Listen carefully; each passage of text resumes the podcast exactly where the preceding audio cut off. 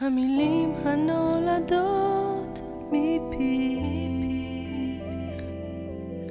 הופכות לפרפרי הלילה. בלילות חגות בתוך שנתך טורפות ומסייטות את נשמתך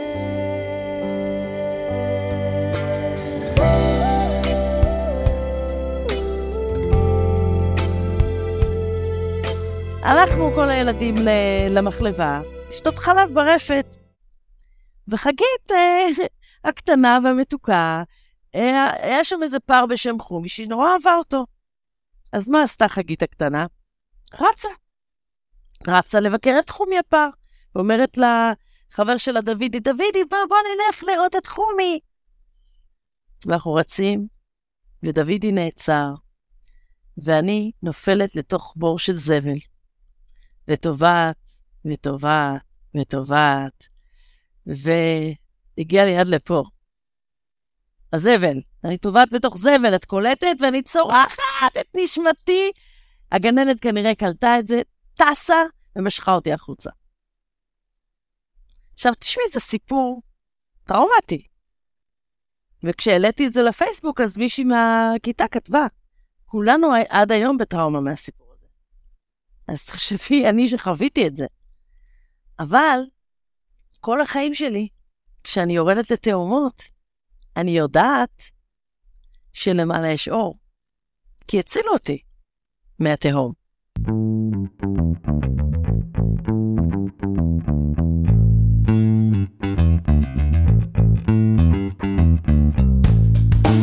לחיות בתפקיד הראשי, הפודקאסט של יעלי קוגן. ואני רואה שמחה ועצב באותו מישור. מה זאת אומרת? אני שמונה, בנומרולוגיה שמונה זה, השיעור שלו זה לשמור על איזון, בסדר? אמ, כשאני באבל, אני באבל. אני, ואני אני לא מתנגדת לאבל. אני נותנת לו את המקום שלו, את הכבוד שלו, יושבת, אני בוכה, אני מתאבלת, וכשאני מדברת על אבל זה לא חייב להיות מוות של מישהו, זה פרידה. אבל זאת פרידה. לגמרי. אבל זה בעצם המילה הנרדפת לפרידה מבחינתי. בכל דבר. ואז אתה, אני אומרת, להתחיל להתכחש. אלה שאומרים לי, לא, עזבי, עזבי, תהיי שמחה את כל הזמן. זה לא, זה לא עובד ככה, אני גם זה לא קונה את זה, לא קונה את זה. אתה באבל, תהיה באבל.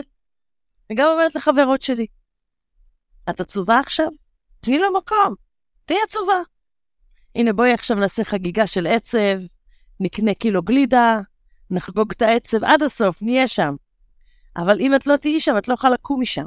לגמרי, ואני חושבת שגם אם אתה לא שם, אתה לא יכול לחוות שמחה עד הסוף, כי אתה סוגר את כל הרגשות. אם אתה לא מאפשר לעצמך לחוות עצב עד הסוף, וזה באמת מתחבר לי פתאום אלייך, שאני מרגישה שמה שהכי מיוחד בך, זה שאת חווה את החיים, אם אני קראתי לפודקאסט לחיות בתפקיד הראשי, את לגמרי בתפקיד הראשי. את נהנית לחוות, לטעום, לשיר, אה, בא לך פתאום אה, ללמוד נורולוגיה, אז את הולכת לכיוון הזה, את, את מנצלת את כל הכישרונות שלך, את לא מתחייבת למשהו אחד ואם פתאום משהו אחר קורה לך, את תלכי לשם עם כל הלב. משהו מאוד מאוד שבעיניי הלוואי והייתי יכולה, את יודעת, ל- להגיד אותו על הרבה אנשים שאני מכירה, אבל זה מאוד מיוחד אצלך, את חווה את החיים עד הסוף. את נהנית, אם אני מדמה את זה נגיד לאוכל, את נהנית מכל ביס, גם אם זה חריף וגם אם זה חמוץ וגם אם זה מתוק, את מאפשרת לעצמך לחיות חיים מלאים, ככה אני רואה את זה. וזה זה, מעניין אותי, אני חוזרת איתך דווקא לילדות, ואני רוצה לשאול אותך, מה אפשר לך, לדעתך, כילדה בקיבוץ, שזה באמת לא ילדות פשוטה, כמה שזה נראה ילדה פסטורלי. בקיבוץ שהיא אינדיבידואלית, היא אחרת, היא שונה, היא חושבת אחרת, היא קולטת מההתחלה שמשהו במערכת הזאת לא תקין. ו... לא יודעת, למה אני אומרת ב-DNA שלי? כי זה כנראה משהו שבאתי איתו לעולם.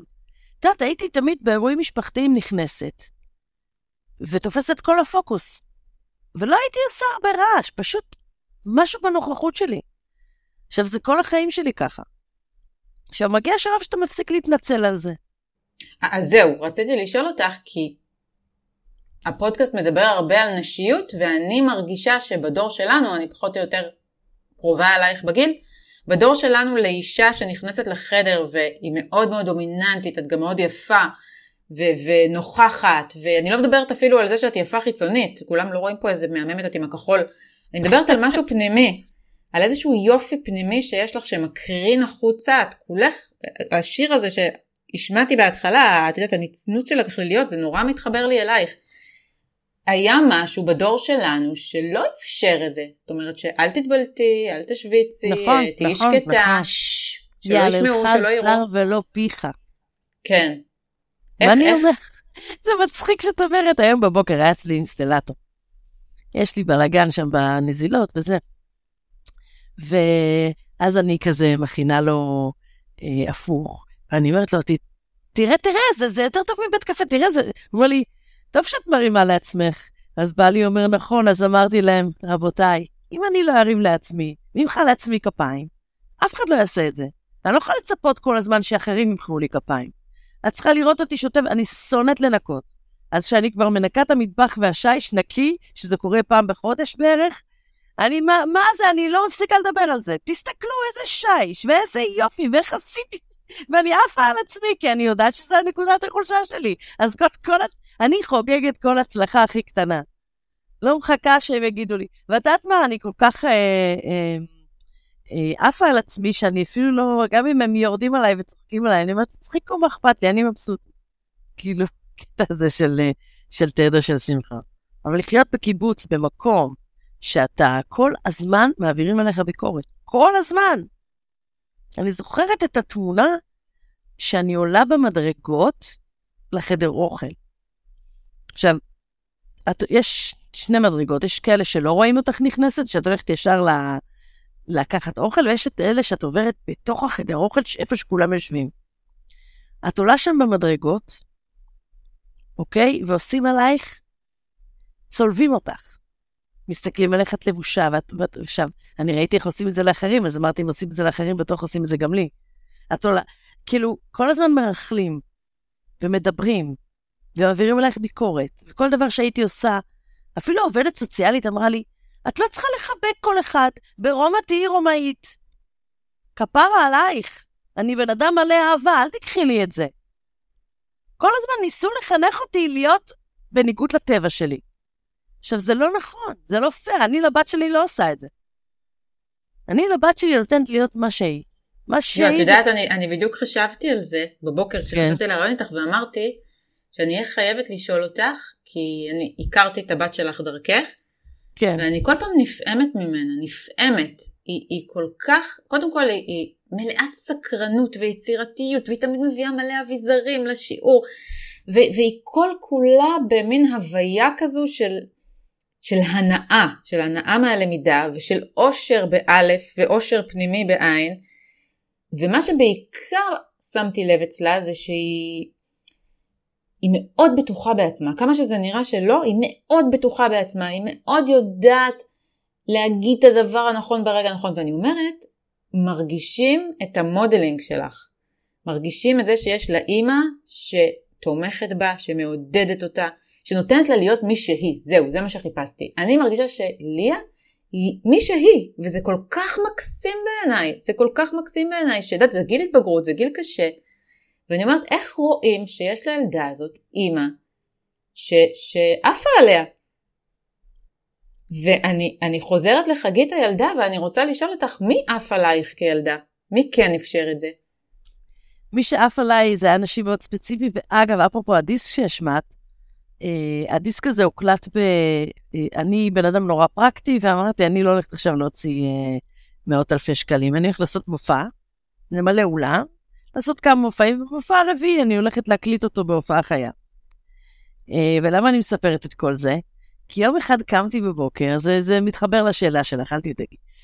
קמתי בבוקר וקיבלתי הודעה מלמעלה, שמה שצריך להיות על העיגול של הדיסק, זה שמות, שמות, שמות, שמות, שמות של אנשים שהאמינו בי בדרך. וככה זה נראה. כל העיגול מלא שמות, שמות, שמות, שמות. לאורך כל הזה, ככה, הכל מלא שמות. וזה מדהים. אז מי שהאמין בי, ואני תמיד אומרת, הנה עוד, עוד טיפ קטן, לי יש רשימה ורודה. מה זה רשימה ורודה?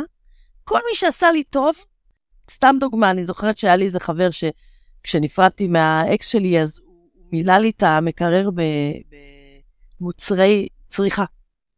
אני זוכרת את התמונה הזאת עד היום, זה רשום, מתויג.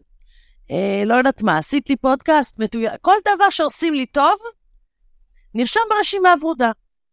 ואז אני רוצה שלאנשים יהיה אצלי נקודות זכות. אין לי רשימה שחורה. מי שעשה לי רע, הוא פשוט לא נמצא כבר ב... ב הוא לא נמצא ברדיוס. אבל אני רוצה לשאול אותך שאלה אחרת שנורא מעניינת אותי. באיזה גיל הבנת שיש לך את המתנה של הקול? שאת זמרת? תראי, מגיל מאוד צעיר אני הייתי שרה, ההורים אמרו שהייתי שרה סימפוניות שלמות, של מוצא.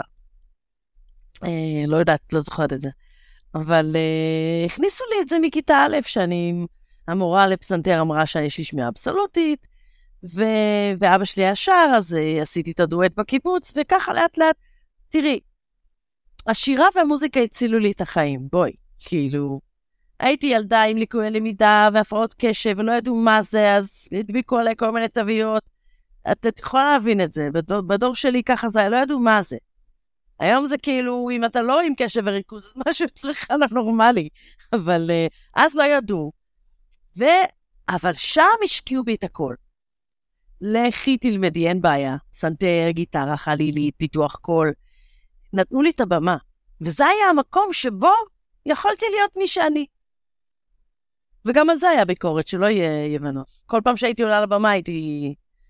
אבל זה היה המקום שהרגשתי בו מאוד נוח. שזה מדהים, את יודעת, את חיה בחברה כזאת סגורה ואטומה, ובכיתה ז', תחשבי, בגיל של ליה, עמדתי על הבמה מול 400 בני נוער, מז' עד י"ב, ושרתי, אני ואתה נשנה את העולם, כאילו, מבינה מאיפה זה בא? עכשיו, היו אלה שרשומים על הדיסק, זה אנשים שכל השנים אמרו לי כמה אני טובה וכמה אני מוכשרת, ונתנו לי סולואים, ונתנו לי את המקום על הבמה. אלה האנשים שרשומים שם. כי הרבה יותר קל להפיל מישהו מאשר להחמיא לו. אתה הרבה יותר קל למצוא מה לא טוב. לשאלתך. ואז הגעת לרימון אחרי הצבא? אחרי הצבא, הלכתי לרימון במקום לעשות טיול גדול. אמרתי, אני לא מבזבזת זמן, אני רוצה להיות זמרת. למרות שהיו לי הרבה משברים בדרך, שאמרתי, מה אני צריכה את זה? אבל אז, בקיבוץ התחילו לדרוש ממני תורנויות וכאלה, שאני אעזור להם לממן את הלימודים. אמרתי להם, רבותיי, אני רוצה להיות זמרת, אתם מפריעים לי. רציתי להתקבל ללהקת חתונות, הבנתי שאם אני מתחייבת, אני בן אדם מאוד מחויב, אם התחייבתי, התחייבתי. אין אה, להבריז.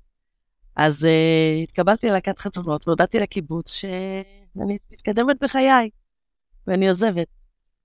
וואו, זה צעד מאוד אמיץ. מאוד. עזבתי עם 6,000 שקל ביד. כי כמה שזה קשה, את יודעת, זה חממה בסופו של דבר. 6,000 שקל, זה מה שהם נתנו לי, ואמרו לי שאם אני חוזרת, אני צריכה להחזיר להם את זה בריבית. וואו. ויצאתי לדרך. ומה, ועברת לגור איפה? תשמעי, אני באמת, את אומרת לי התדר של השמחה.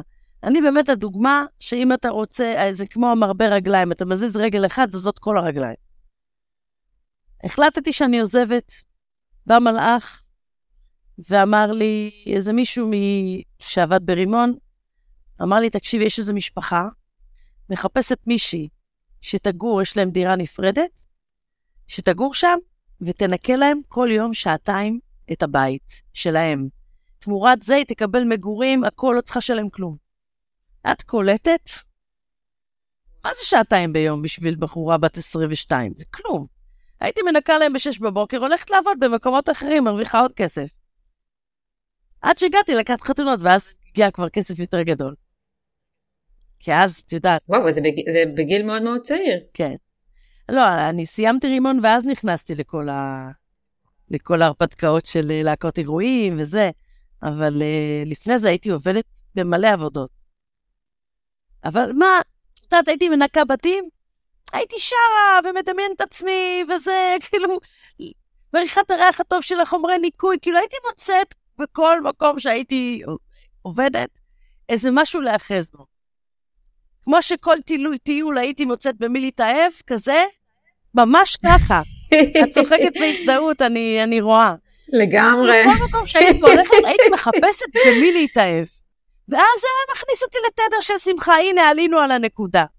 זהו, זה מה שמביא לי תדר של שמחה. שאת מאוהבת. אני בעולם. מאוהבת, אני מאוהבת בעולם. יו, לגמרי, לגמרי. קרן פלס פעם אמרה שהיא מתאהבת ברמזורים. אני כל כך מזדהה עם זה, באמת. את, את, ברגע שאתה על תדר של התאהבות, תדר של אז אומנים. כיף לך.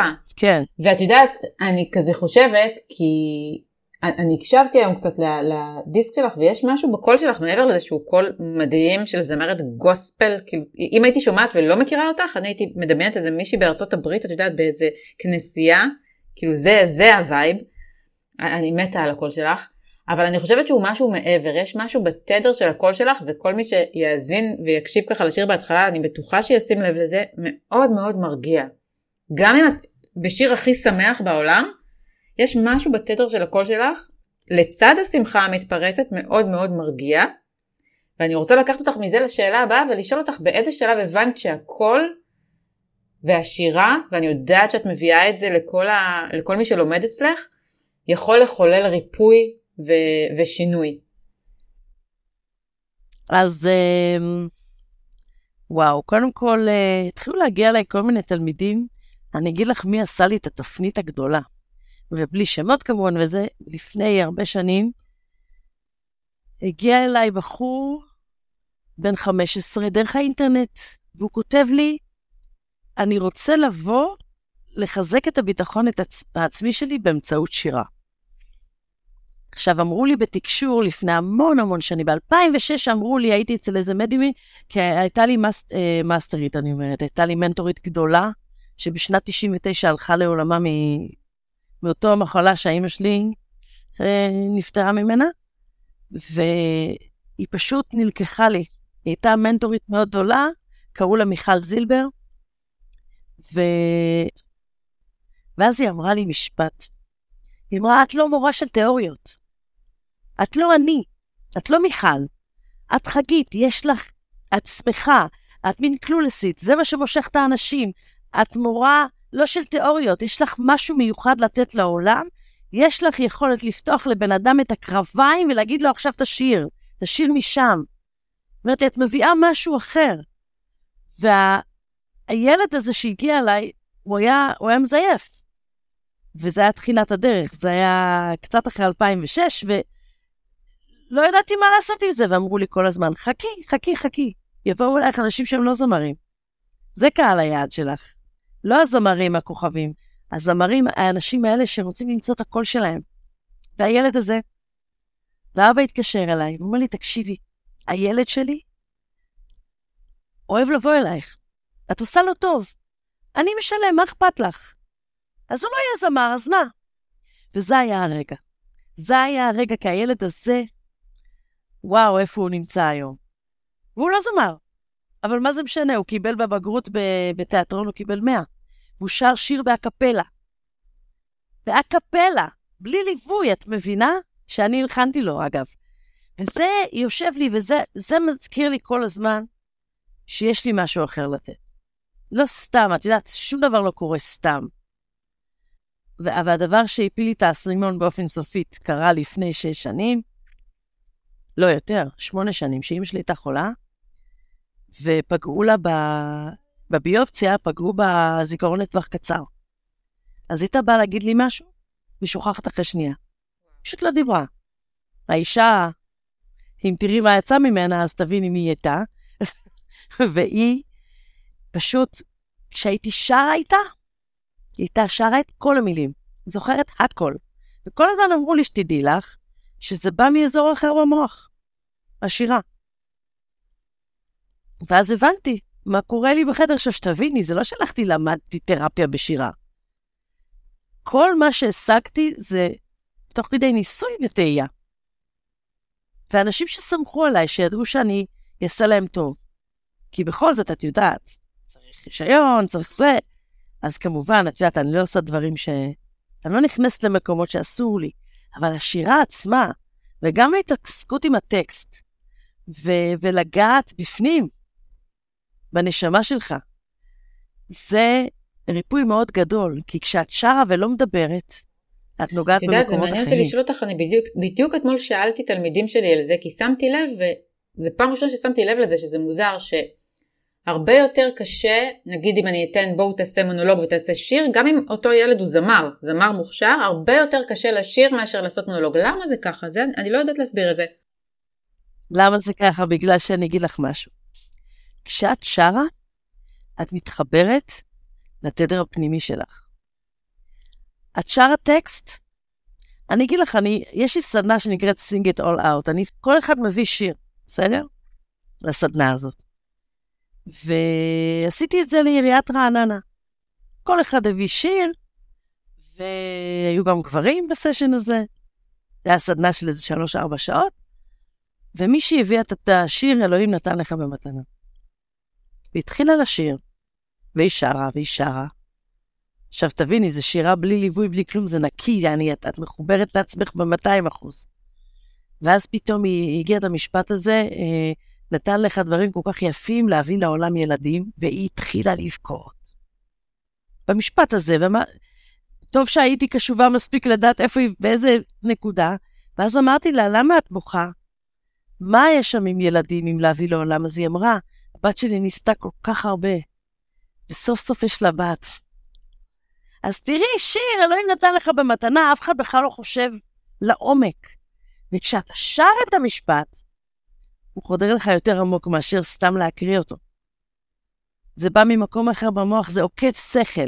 זהו, זה המילה שרציתי להגיד, זה עוקף שכל. בדיוק אני עכשיו עליתי במעלית, אז אחת השכנות אומרת לי, רציתי להגיד לך שראיתי אותך באיזה יום עם האוזניות ושרת לעצמך בקול רם וזה כל כך היה מקסים בעיניי. ואז אמרתי יואו אני, אני לא שמה לב אני הרבה פעמים הולכת ואני שרה ברחוב כאילו. אמרתי לה כן אבל תקשיבי יש לי תירוץ אני במאית ואני עובדת על הצגה אז אני זה חלק מהעבודה שלי.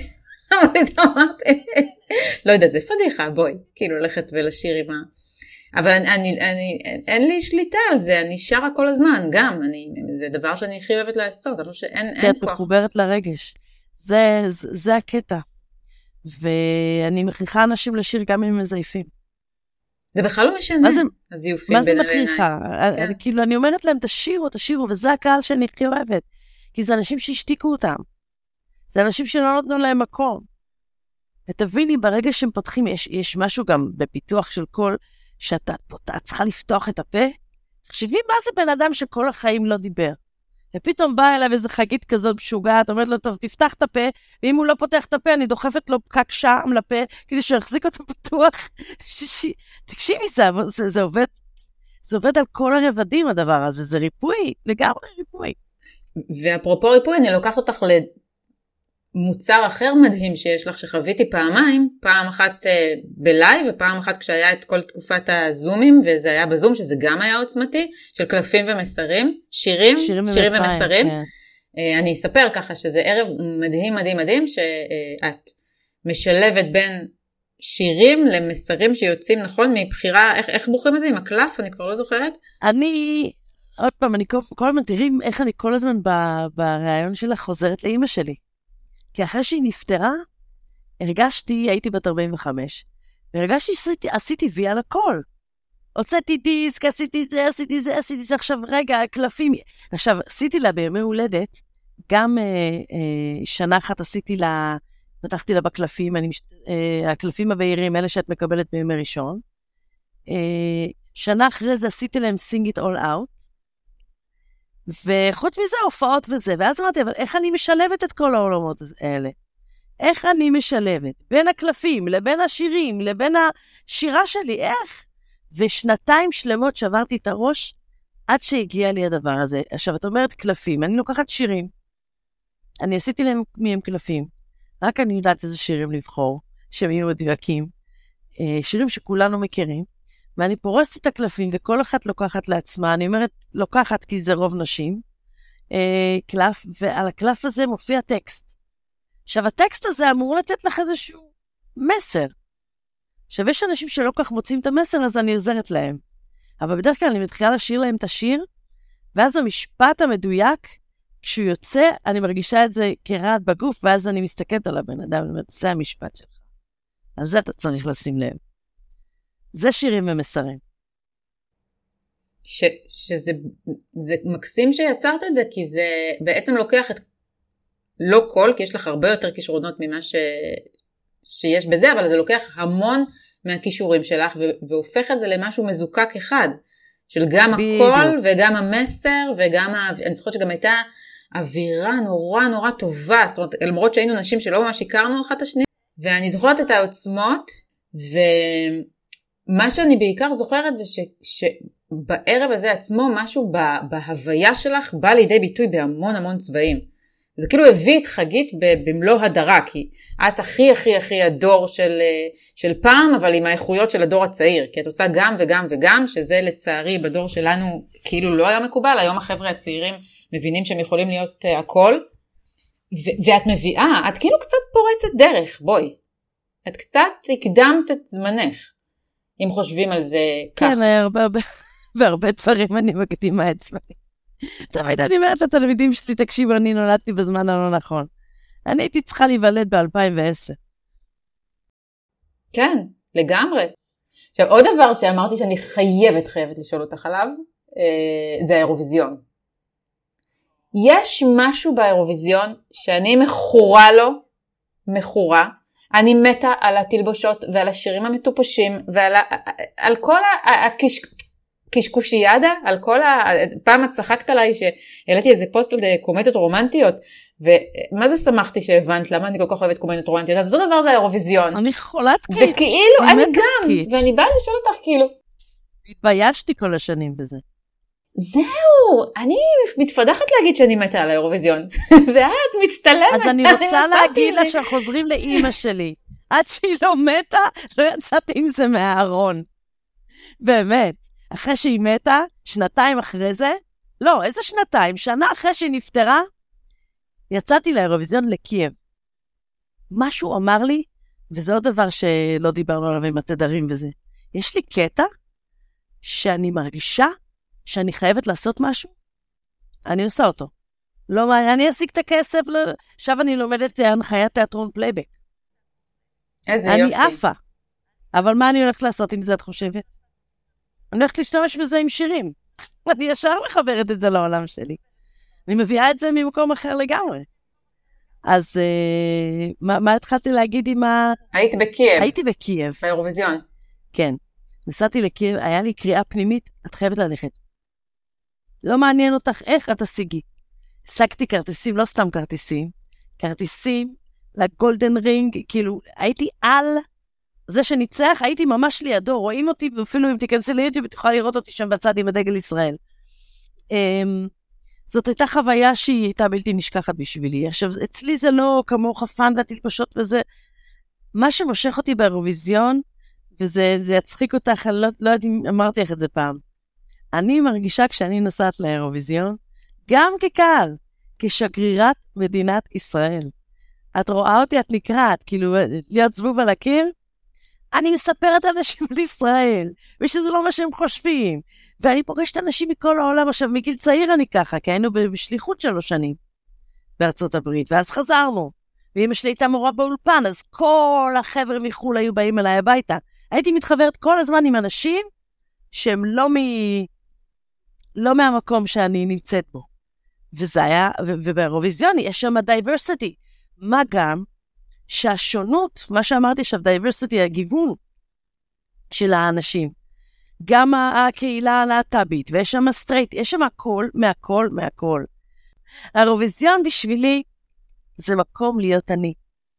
אני באה, הכרתי מלא מלא מלא חבר'ה מהקהילה הלהט"בית, ומצאתי את עצמי נורא שייכת, למרות שאני סטרייטית לגמרי, אין לי שום... אני לא בשום כיוון אחר מהמין השני, ועדיין אני מוצאת עצמי שם בבית. כי יש משהו בך שעדיין נחווה כילדה המוזרה של הקיבוץ. כן. והקהילה כן. הלהט"בית קהילה מאוד מחבקת ומאוד עוטפת ומאוד... אה,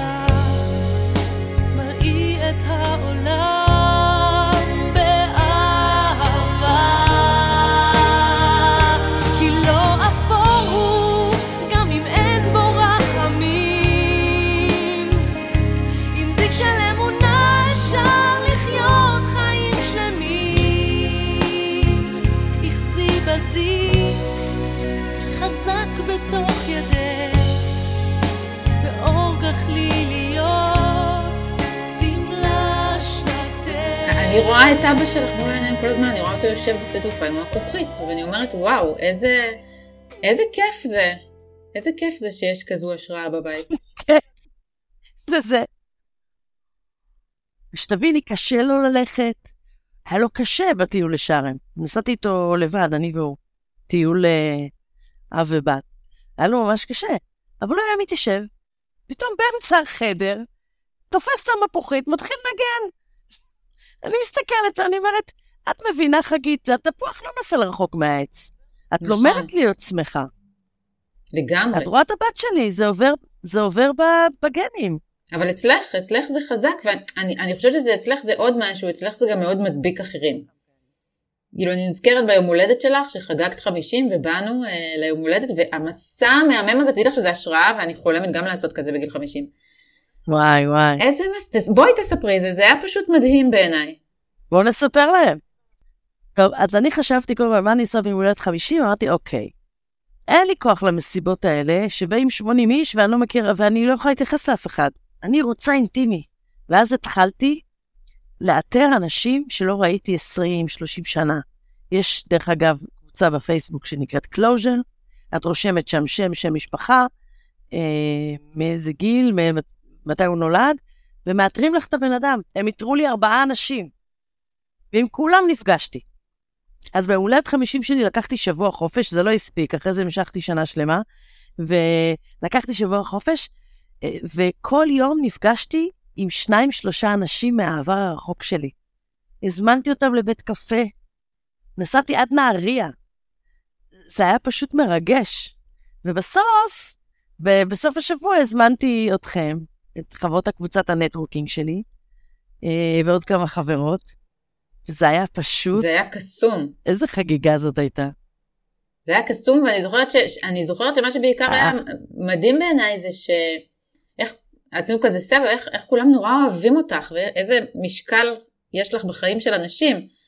כי את יודעת, זה, זה נורא טריוויאלי לך, כי את חיה עם עצמך מגיל אפס, אבל זה לראות בן אדם ש...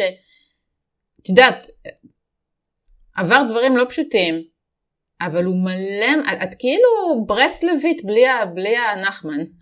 כאילו, באמת. אבל את יודעת שאני לא מרגישה ככה? כאילו, כל פעם שאומרים לי כמה אוהבים, אני כאילו מופתעת. ואני בכלל, עוד, עוד אה, טיפ שאני יכולה לתת, אני חיה בפליאה. אני כל הזמן בפליאה. אני מתפלאה על הקול שלי, ואני מתפלאה על, על השטיפת כלים. כל דבר שאני עושה, כאילו, שמצליח לי, לא, זה, זה, זה, זה אמיתי, אבל אני בפליאה.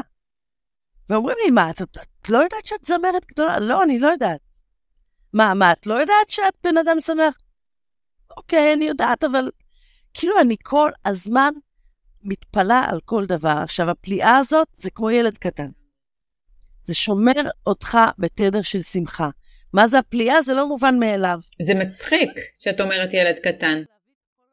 לא, אני כמו ילדה קטנה. אז זהו, בדיוק מה שבאתי להגיד, שאת קצת מזכירה לי את בילבי.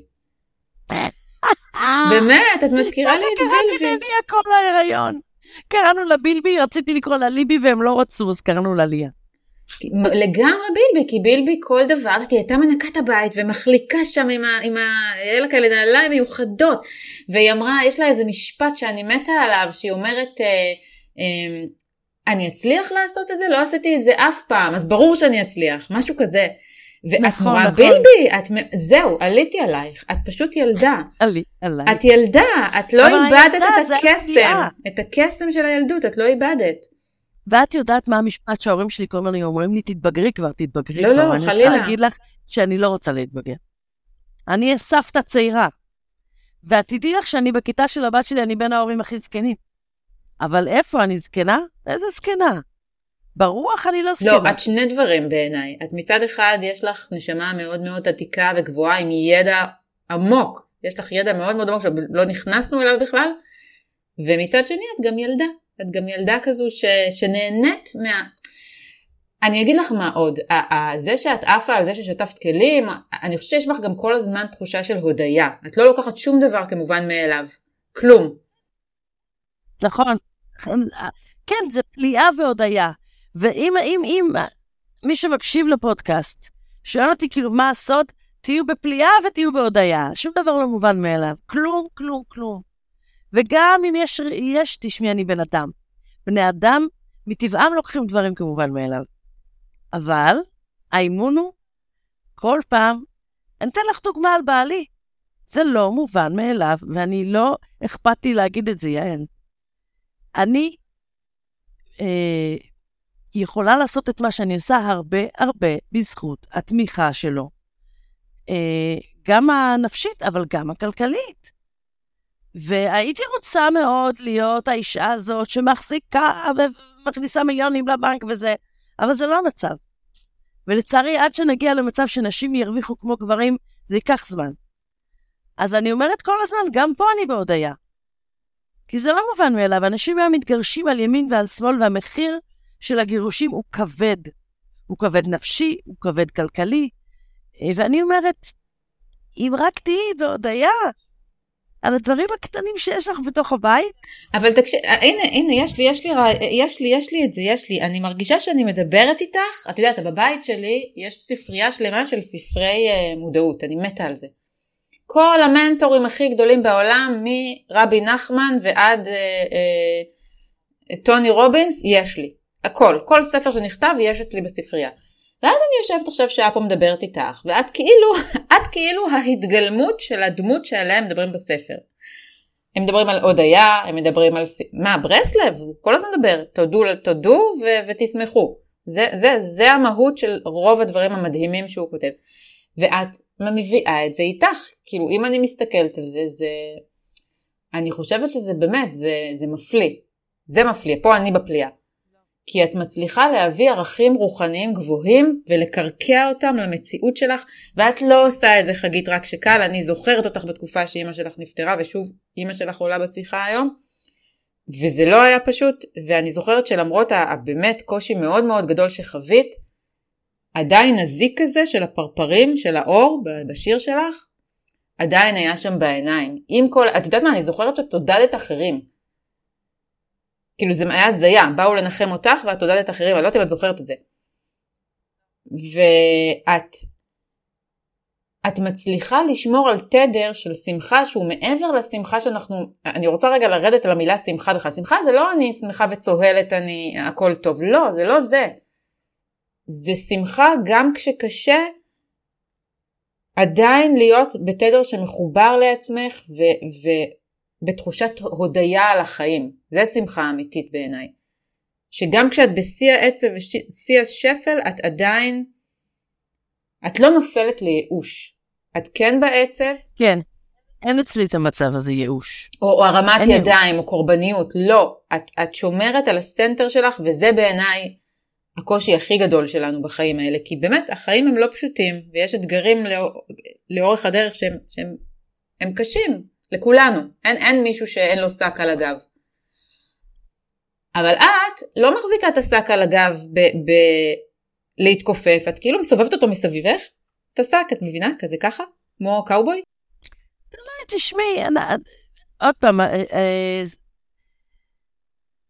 בגדול נכון, אבל את יודעת, כמו לכולם, יש, יש נפילות, יש השתתחויות, יש... אה, את ראית את המשפט שהעליתי? בפייסבוק העליתי משפט אתמול. אה, ראיתי, על המדינה. מה, לא, לא, אני כתבתי. כתבתי, לפעמים אנחנו צריכים לרדת לתהום בשביל שיהיה לנו כוחות. אבל זה לגמרי אה, ככה, חגית. אני מאמינה, יו, אני כל כך מזדהה עם המשפט הזה, כי אני מאמינה שרק מי שאמיץ מספיק כדי להיות בתהום, כי משם אנחנו, אנחנו באמת באמת יכולים לעשות תיקון. כי אם, אם לא נרד לשם, אז, אז נהיה בשטוח. הנה, כתבתי פה, כדי שיהיה ממה לשאוב כוחות, צריך לרדת לתהום. עם ישראל חי.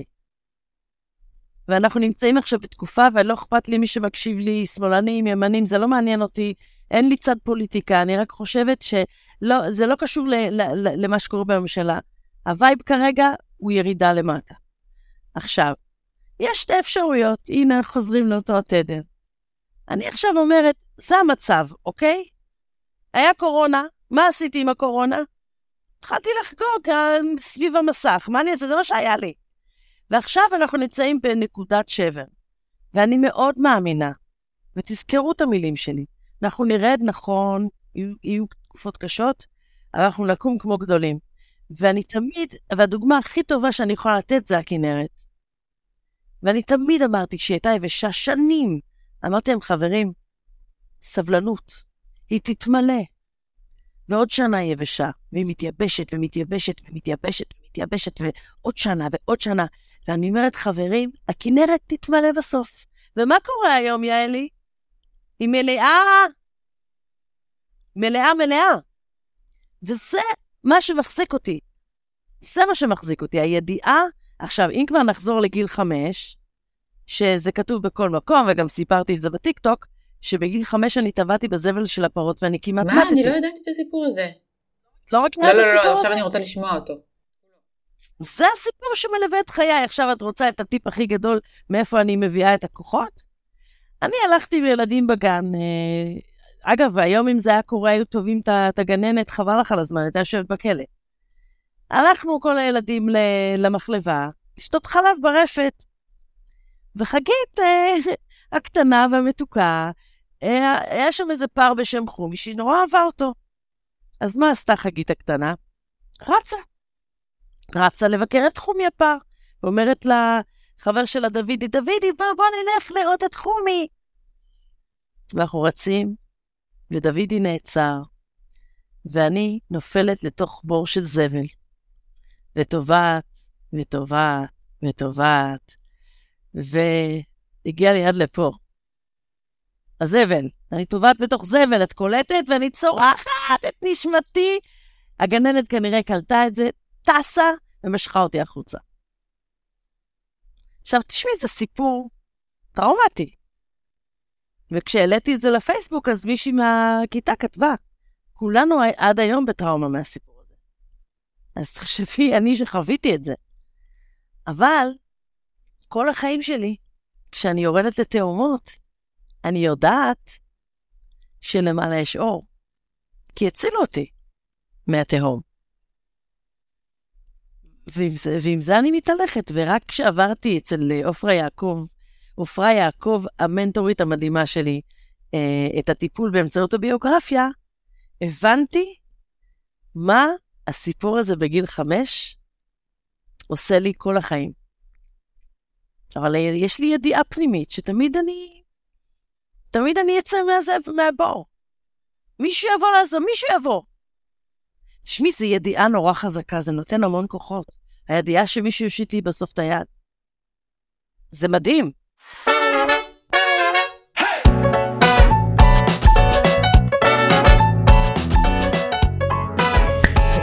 מוכנה לחמש בעשר? חמש שאלות בעשר דקות, והשאלה הראשונה, חגית, אלייך, הוא, היא, מה החלום הבא שלך? להופיע בכל הקהילות היהודיות בעולם עם שירים ומסרים. אז חברים, החלום של חגית זה להופיע בקהילות היהודיות בכל העולם. אם יש כאן מישהו מקהילה יהודית איפשהו בעולם, חגית היא הכתובת. חגית זה, את לא יודעת לאן הפודקאסט הזה יכול להגיע. אני יודעת שזה יקרה, אז אה, אני אומרת את זה בקורב. בוודאי. חגיתוש, אה, יום הולדת 50 אמרנו הייתה יום הולדת מדהימה. אה, בואי תני לנו טיפ ככה, איך, אה, איך לדעתך כדאי לחגוג ימי הולדת? לבחור את האנשים שאתם הכי אוהבים, ולקחת אותם או להפלגה, או לאיזה, לאיזושהי חוויה. לא סתם. לא סתם לשבת במסעדה. ואם לשבת במסעדה, במקום שקט, ולעשות איזושהי פעילות שתחבר אתכם. ערך, משמעות, כן. שאלה שלישית, אני, אני באמת רציתי לשאול אותך, זה לא קשור לפודקאסט, כי אני רואה את ליה ואני אני כל כך אוהבת את הילדה הזאת ואני כל כך חושבת שהיא באמת, אני מדברת עליה, יש לי דמעות בעיניים, היא, היא קסם אחד גדול, ודווקא טיפ בתור אימא, איך מצליחים אה, באמת אה, מצד אחד לשים גבולות ומצד שני אה, לאפשר לילדה להיות מי שהיא בצורה כל כך מקסימה. אה, עובדים על עצמנו ומאפשרים לה, לעצמנו להיות מי שאנחנו בצורה מושלמת, ואז אנחנו גם עושים את זה עם הילדים. לא מבקר, אני בכלל לא...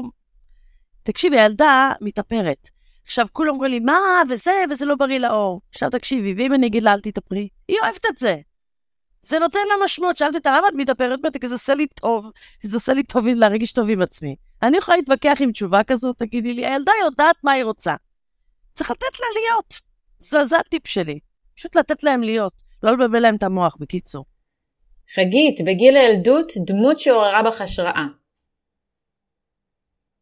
בילדות? כן, שאת זוכרת ככה דמות שהשפיעה עלייך. באיזה גיל? גיל יודעת. 16-17.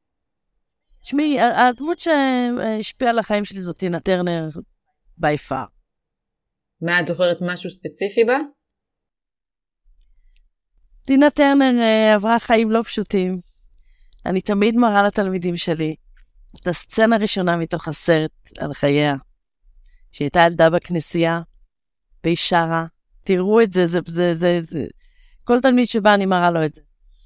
והיא שרה בכנסייה, ועם כל המקהלה, והיא מתחילה לאלתר, יא, יא, יא, והיא... המנצחת שם תופסת אותה באוזן, מוציאה אותה. והיא מחייכת אליה, ממשיכה, ממשיכה לשיר, רואים אותה בתחילת הסרט, יוצאת מה, מהכנסייה הזאת, טורקת עליה את הדלת, והיא ממשיכה לשיר. זה, זה, זה הפתיחה של הסרט, תראי איך אני זוכרת את זה. יש שם עוד הרבה דברים מזעזעים בסרט, אבל הקטע הזה שהילדה הזאת, אף אחד לא יעצור אותה. זה, זאת ההשראה שלי, אף אחד לא יעצור אותי. אז השאלה הבאה שלי, חגית האחרונה, היא, כשאני מסתכלת עלייך מהצד, את בן אדם שמאוד מאוד אוהב אנשים. זאת אומרת, תמיד כשאת מגיעה, את מחבקת ואת עוטפת, ואת... יש בך המון המון אהבה. ורציתי לדעת אם גם אם זה משהו שהוא כזה מולד, או משהו שפיתחת, מאיפה מגיעה כל האהבה הזו? כאילו, אם את משדרת שמחה, את משדרת גם אהבה. מולד. מולד, אבל... בואו נחזור לאימא שלי, אין מה לעשות, היא מלווה אותנו, אנחנו עוד מעט שבע שנים למותה, אז היא לא סתם מופיעה פה כל הזמן. אימא שלי הייתה מביאה הביתה כל מי שלא היה לו מקום. אם זה המציל בבריכה, שאף אחד לא ספר אותו בקיבוץ, ואבא פה, אח שלי פגש אותו לפני איזה שבועיים במקרה, אם זה כל uh, uh, מתנדב או אולפניסט, אימצנו, יש לנו אח, אח לכל דבר שאימצנו מאוקראינה. Um, ההורים שלי תמיד אימצו אנשים. הם נתנו מקום, וזאת אימא שלי. גם אבא שלי, אבל אימא שלי היא נתנה את הטון בקטע הזה. וזה מאוד יפה, וזו תכונה שקיבלתי, חד משמעית זה חינוך. אבל אני חושבת שזה לא רק חינוך, יש גם נשמה שבאה לעולם עם אופי כזה. אני כזאת, אני איך מירי מסיקה, שנולדה איתי אגב באותו יום, מירי מסיקה, היא אומרת, אני חפקנית, את ראית את הפרסומת הזאת? אני חפקנית. מה זה, עכשיו, היא נולדה איתי באותו יום, אנחנו דומות בהרבה מאוד דברים, מירי ואני. אז uh, נורא מצחיק הקטע הזה. זה, זה, נולדים עם זה. אני, אני באמת חושבת שנולדים עם זה. חגית מעוז, איזה פרק כיפי, מלא בשמחה, אופטימיות, קול, אהבה, שיחות על הקיבוץ, שיחות על אימהות, שיחות על... הכנסנו כל כך הרבה נושאים, אבל במהות אחת שהיא בעיניי הכי הכי מדהימה, ואני חושבת שאני אשנה את השם של הפרק במקום שמחה, אני רוצה לקרוא לזה כוחה של האופטימיות, כי אני חושבת שאת מביאה איתך המון המון אופטימיות. אני זוכרת את התקופה של תחילת הקורונה, שכולנו היינו בזעזוע, והיינו פותחות כל יום ראשון עם החיוך הענקי שלך, עם הגיטרה. את מביאה לעולם קול כל כך כל כך כל כך חשוב, ואת שולפת אחרים מתוך התהום. מתוך וואי, התהום זה- של הזבל. זה מדהים מה שאת. אומרת. כי זאת את. מדהים, מדהים, מדהים מה שאת אומרת. בקול שלך. בחיוך שלך, באנרגיות שלך, ב... את, מהממת, נו, אני מתה עלייך, מה אני אעשה? טוב, תודה. עוד אדם להתאהב בו. ללמוד להתאהב. ללמוד להתאהב זה אחלה, אחלה זה, אבל באמת, אה, אה, לאפשר לעצמנו להתאהב. אני דווקא לוקחת מהפודקאסט כזה, אה, הזה את מה שאת אמרת, על הקטע הזה של אה, להתאהב אפילו בעץ. כאילו, זה ככה. זה להיות ילד, זה לאפשר לעצמך להיות ילד. ואת יודעת, הרבה אנשים סביבי מעשנים סמים ו- ו- ושותים אלכוהול, ואני, אין לי צורך בזה. ואז שואלים אותי, מה, אבל, אבל את לא לקחת כלום, את בטוחה? ואז אני יואו, חגית. ואז, זה בול אני, תקשיבי, אני ואז הכי אני אנטי... אומרת לה, את יודעת מה אני אומרת להם? את יודעת מה הסוד שלי? שלא אכפת לי להיראות מטומטמת. לא אכפת לי להיראות, וכשלא אכפת לך להיראות דבילי, אז אתה נורא מצחיק ואתה נורא משעשע ואתה נורא משועשע. איך אבא שלי אומר, את הבן אדם היחידי שאני מכיר שמספר בדיחה וצוחק. אני מספרת לעצמי בדיחות. בקורונה בבידוד הייתי מסתכלת במראה, עושה לעצמי פרצופים ומתחילה לצחוק. ונקרעת מצחוק, והם היו עומדים מאחורי הדלת ולא מבינים מה, מה הסיפור שלה. אבל זה, לאפשר, זה האפשור. איפה שאת היית אומרת, כשהייתי בת 20 והייתי הולכת למסיבות, היה לי חבר שמארגן מסיבות טראנס, ואני הכי נגד סמים שיש, אני סאחית ברמות שבחיים לא התקרבתי לסיגריה אפילו. וכל ה... אני זוכרת שהיו ניגשים אל האנשים במסיבות האלה ושואלים מה לקחת, מה לקחת, ואני לא לקחתי כלום. אש, אשכרה, תראי מה זה, יעל, יש לנו מזל גדול שזה מולד. כן, אני... היכולת הזאת לשמוח מכלום. זה לא מכלום, אני הייתי מאוהבת בזה של המסיבות טראנס, זה נורא מה שמחתי זה שהוא הזמין משנה, אותי. עזבי, מה זה משנה? מה זה משנה? העיקר, העיקר, אה, אה, למצוא במה להתאהב. זה זה העניין. לגמרי, וללכת עם הלב, נכון, ללכת עם הלב. לגמרי. חגיתוש, תודה, אחד הפרקים הכיפים שהיו לי, ואנחנו נשלב את